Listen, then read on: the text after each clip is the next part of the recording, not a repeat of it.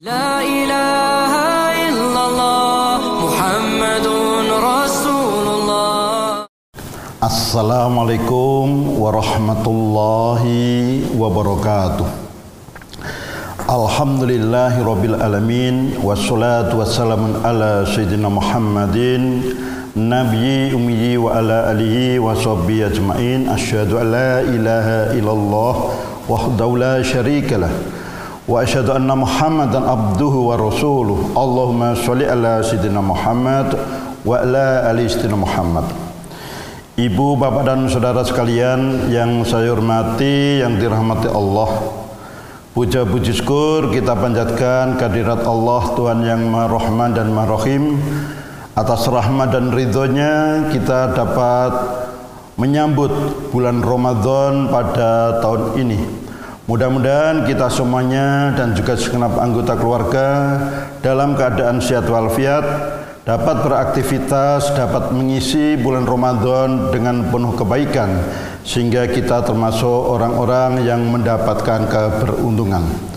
Ibu, bapak dan saudara sekalian yang saya hormati yang dirahmati Allah, izinkan saya menyampaikan tema kajian terkait dengan Islam, ilmu dan pandemi Covid yang sekarang menghebohkan Indonesia dan juga menghebohkan dunia. Sebagaimana kita ketahui dan kita yakini bersama, Islam Islam adalah agama ageman, tatanan yang terakhir dan sempurna. Mengapa kita yakini Islam sebagai agama yang terakhir? Karena setelah Islam Allah tidak menurunkan lagi agama sebagai tuntunan, agama sebagai pedoman hidup untuk umat di akhir zaman ini. Dengan demikian, maka insya Allah kita yakini Islam adalah tuntunan agama terakhir di akhir zaman. Kemudian mengapa kita katakan Islam itu yang sempurna? Karena sesungguhnya Islam mengajarkan ilmu pengetahuan baik yang terakhir dengan kehidupan dunia kepentingan individu, hubungan keluarga, hubungan masyarakat, berbangsa dan bernegara sampai pada kehidupan akhirat. Sehingga dengan demikian tidaklah berlebihan kalau kita katakan Islam adalah tuntunan, Islam adalah agama yang paling sempurna yang insya Allah Islam akan membawa kebahagiaan, keselamatan dunia dan akhirat. Ibu bapak dan saudara sekalian yang saya hormati, yang dirahmati Allah. Sekali lagi Islam sebagai pedoman dan arahan hidup manusia. Termasuk pedoman mencari, mendalami, mengembangkan ilmu pengetahuan. Ilmu adalah pengetahuan yang diterima secara sistematis dan itu penting bagi kita. Kita sebagai umat Islam harus mendalami ilmu itu Bahkan ajaran Islam mengatakan, tuntutlah ilmu sepanjang hayat. Tuntutlah ilmu walaupun sampai ke negeri Cina. Itulah pentingnya ilmu pengetahuan di dalam Islam. Ibu bapak dan saudara sekalian, pengertian ilmu, ilmu merupakan ya, kata yang berasal dari bahasa Arab yang masdar dari alima, yaklamu yang berarti tahu atau mengetahui. Dalam bahasa Inggris, ilmu biasanya dipadankan dengan kata science. Sedangkan pengetahuan dipadankan dengan knowledge. Persamaan ilmu dan pengetahuan adalah hal-hal yang sama mempelajari yang bermanfaat di dalam kehidupan sesuai dengan bidangnya.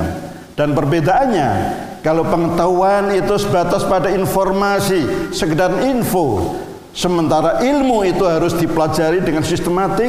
Nah, dengan metode, eh, dengan cara-cara struktur yang itu bisa dipertanggungjawabkan. Itulah perbedaan ilmu dan pengetahuan. Namun apa pun kita umat Islam harus selalu menambah ilmu, harus memiliki pengetahuan untuk apa? Untuk hidup selamat, bahagia dunia dan akhirat.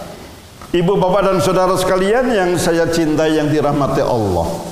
Bahkan kalau kita memahami lebih lanjut Islam turun dari Allah sudah barang tentu melalui malaikat Jibril kemudian kepada Rasulullah Muhammad Shallallahu Alaihi Wasallam. Apa yang disampaikan yang pertama? Yang pertama disampaikan kepada kita ajaran Islam adalah surat Al-Alaq ayat 1 sampai 5. Iqra yang artinya adalah bacalah. Bismillahirrahmanirrahim. Iqra bismi rabbikal ladzi khalaq. Khalaqal insana min 'alaq. Iqra wa rabbukal akramul ladzi 'allama bil qalam. 'Allamal insana ma lam ya'lam. Yang artinya bacalah dengan menyebut nama Tuhanmu yang menciptakan, yang menciptakan kita, yang menciptakan alam semesta ini. Itulah sebutlah nama Tuhanmu yang menciptakan kita. Dia telah menciptakan manusia dari segumpal darah.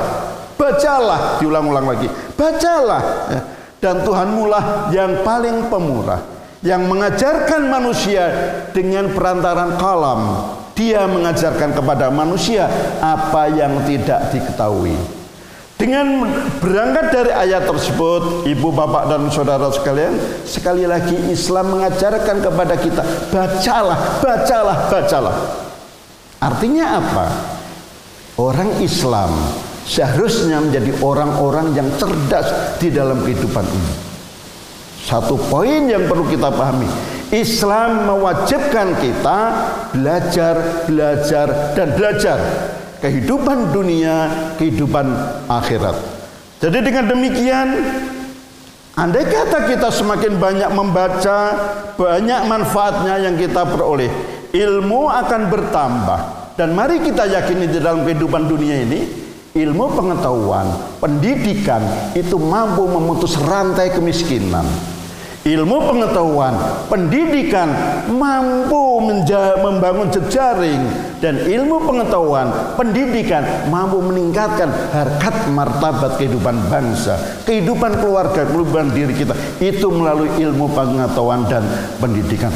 Oleh sebab itu, Ibu bapak dan saudara sekalian, maka mari kita yakini Islam sangat menghargai ilmu pengetahuan sebagaimana yang dicerminkan di dalam wahyu pertama yang diturunkan kepada Rasulullah Muhammad bahwa begitu besar Islam terhadap ilmu pengetahuan sehingga setiap orang Islam wajib mendalami wajib belajar tentang ilmu kehidupan itu. Baik itu eh, perempuan laki-laki maupun perempuan maksud saya Saudara-saudara sekalian yang saya hormati, yang dirahmati Allah. Kalau kita ingin memahami ilmu, sesungguhnya ilmu semuanya datang dari Allah. Sebagaimana firman Allah pertama tadi, Allah lah yang mengajarkan ilmu pengetahuan kepada manusia. Sekali lagi, semua ilmu ini datang dari Allah. Tetapi di dalam Islam ilmu dapat dikelompokkan menjadi dua hal, yaitu apa? Kauliyah. Ilmu kauliyah yang itu jelas-jelas firman Allah atau hadis Rasulullah ya, yang bentuknya berupa wahyu yang disampaikan secara berstruktur tidak langsung kepada umat manusia tetapi melalui oleh Tuhannya melalui malaikat perantara malaikat kepada Rasulullah Muhammad Shallallahu Alaihi Wasallam kemudian untuk disampaikan kepada kita manusia itu yang kita sebut dengan ilmu kauliyah ilmu yang langsung datang dari Allah oleh sebab itu berbicara ilmu kauliyah ini kita bisa berkomunikasi langsung firman Allah melalui apa? Membaca surat Al-Quran. Kita sering membaca surat Al-Quran artinya apa?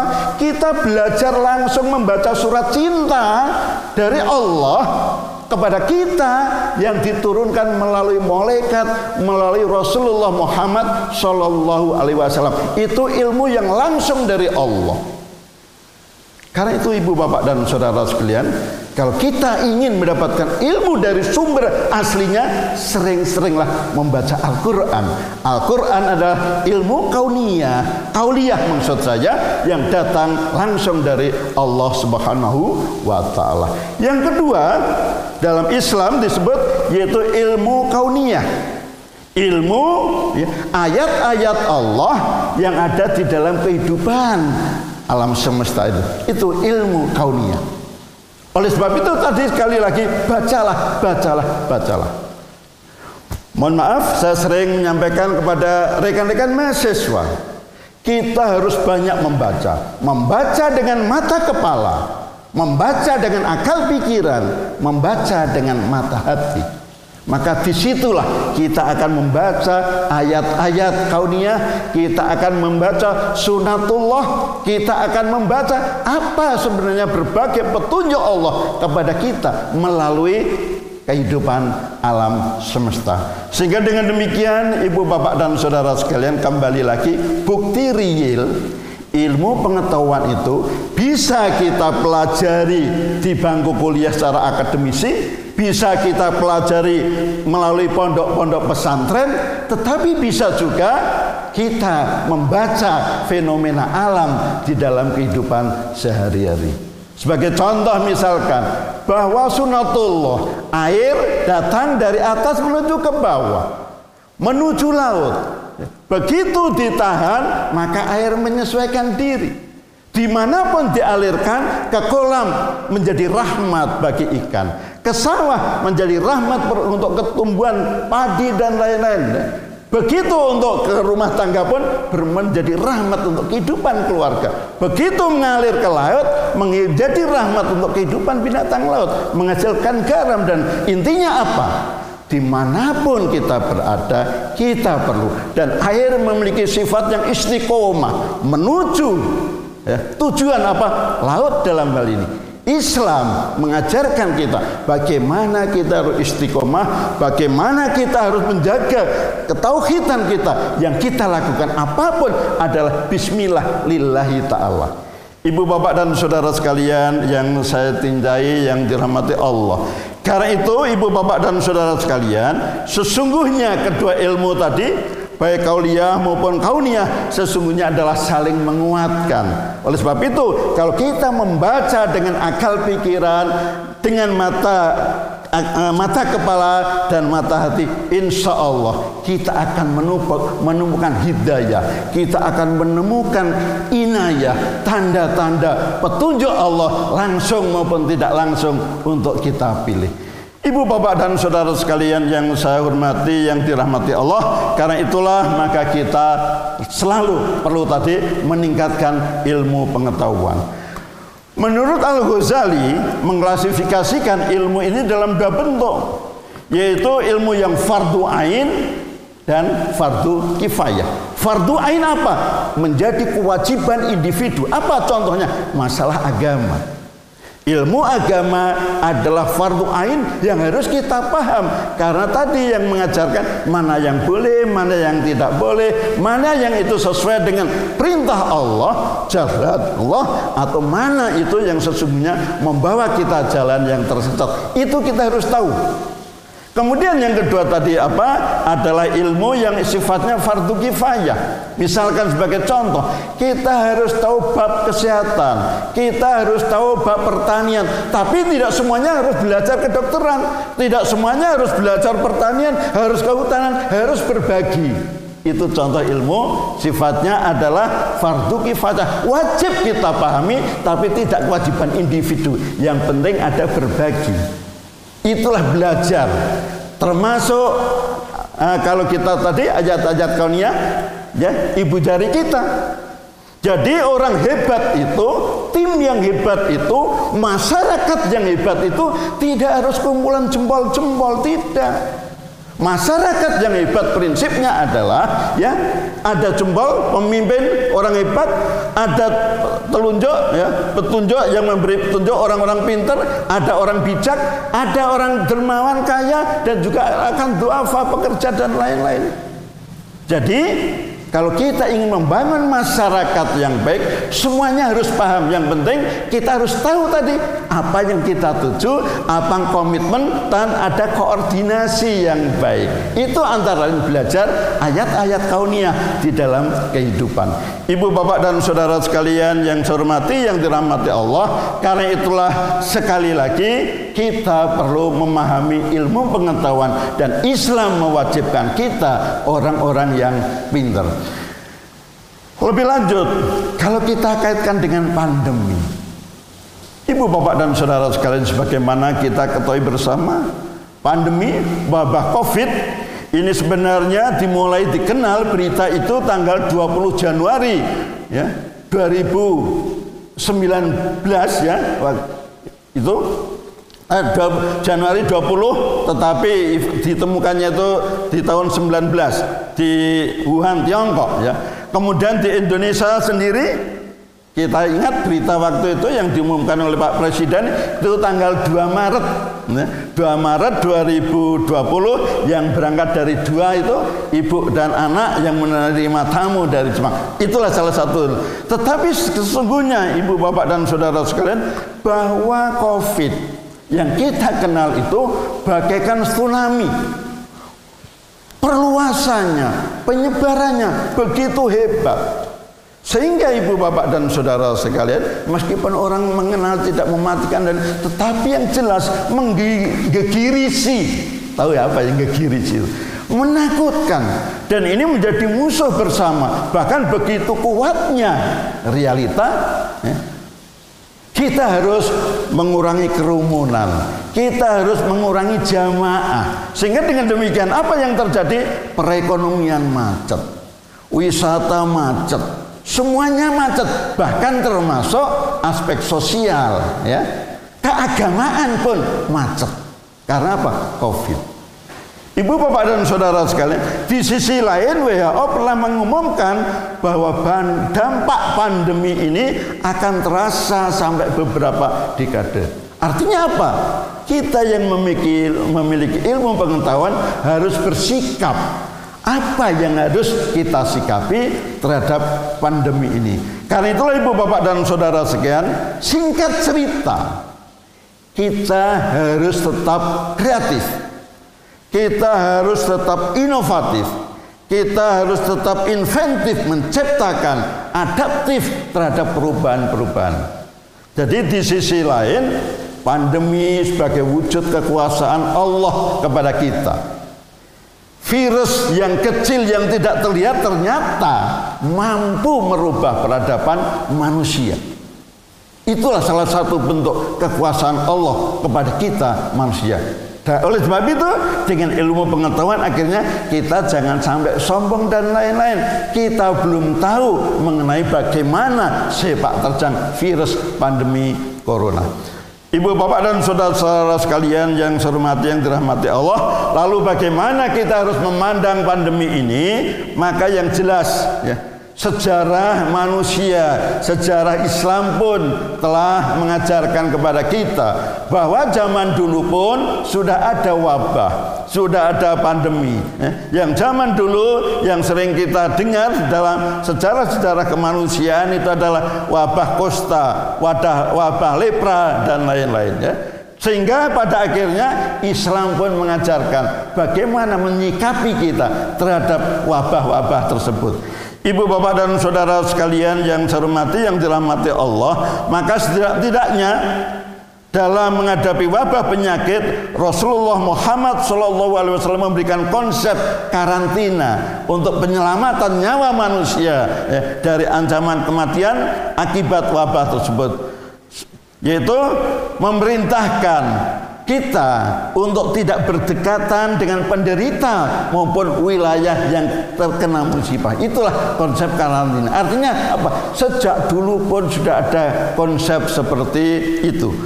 Bahkan hadis Bukhari menegaskan jika kamu mendengar wabah di suatu wilayah, maka janganlah kalian memasukinya tetapi jika terjadi wabah di tempat kamu berada, maka jangan pula engkau tinggalkan tempat itu. Artinya apa? Itulah konsep karantina. Mobilisasi harus kita kendalikan. Di sisi lain, tadi di dalam yang lebih lanjut, sebagaimana kita pahami, harus menjaga jarak, harus menjaga masker, dan lain-lain. Yang pada akhirnya di dunia pendidikan yang kita rasakan, bagaimana sivitas akademika mau tidak mau harus bisa melaksanakan tetap kriteria daya dukung sarpras harus meningkat dan lain-lain dan lain-lain sehingga pada akhirnya melalui ilmu pengetahuan dan teknologi yang kita miliki apa ada hikmah di balik pandemi itu ya. Apa hikmahnya? Berarti apa? Kita akademisi kita dunia perguruan tinggi berarti apa tadi harus memiliki kemampuan inovatif, kreatif, inventif. Apa itu inventif? Pandai mencipta dan merancang sebagaimana ya yang UGM menciptakan Ginus. Bahkan siapa yang menciptakan Ginus? Teman-teman dari MIPA. Ya, ini bentuk ilmu bagaimana implementasi ilmu pengetahuan dan teknologi yang bermanfaat di dalam kehidupan manusia.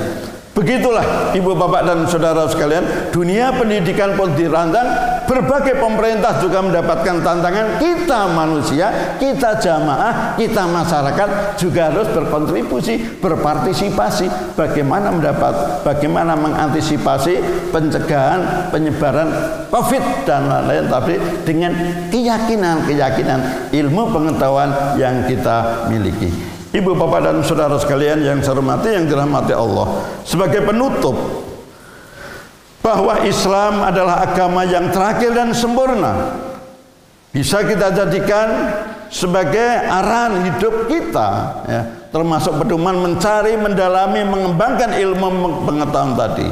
Yang kedua, menghadapi wabah penyakit, Islam mengajarkan konsep karantina atau protokol kesehatan yang kita pahami saat ini untuk menyelamatkan nyawa manusia dari ancaman kematian akibat wabah yang menular. Rasulullah memerintahkan untuk tidak berdekatan dengan penderita maupun wilayah yang kena ya. Jadi sekali lagi dengan demikian konsep karantina, konsep pencegahan, mobilitas dan lain-lain itu sesungguhnya juga sudah diajarkan. Dengan demikian kalau kerumunan itu kita yakini sebagai sumber, maka hiburan pemerintah misalkan.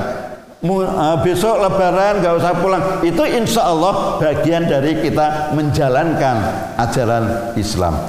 Dan yang jelas kita harus optimis. Manusia adalah makhluk Allah yang paling sempurna. Dengan ilmu pengetahuan insya Allah kita bisa mengatasi problematika hidup maka karena itu marilah optimis bahwa ini bagian dari hukum Allah untuk menjadikan kita semakin sempurna, semakin hebat mengatasi problematika hidup, sukses di dalam kehidupan dunia, tetap juga sukses di dalam kehidupan akhirat. Itulah ibu bapak dan saudara sekalian yang bisa saya sampaikan. Terima kasih. Semoga kita tetap sehat, bahagia, sukses dunia dan akhirat.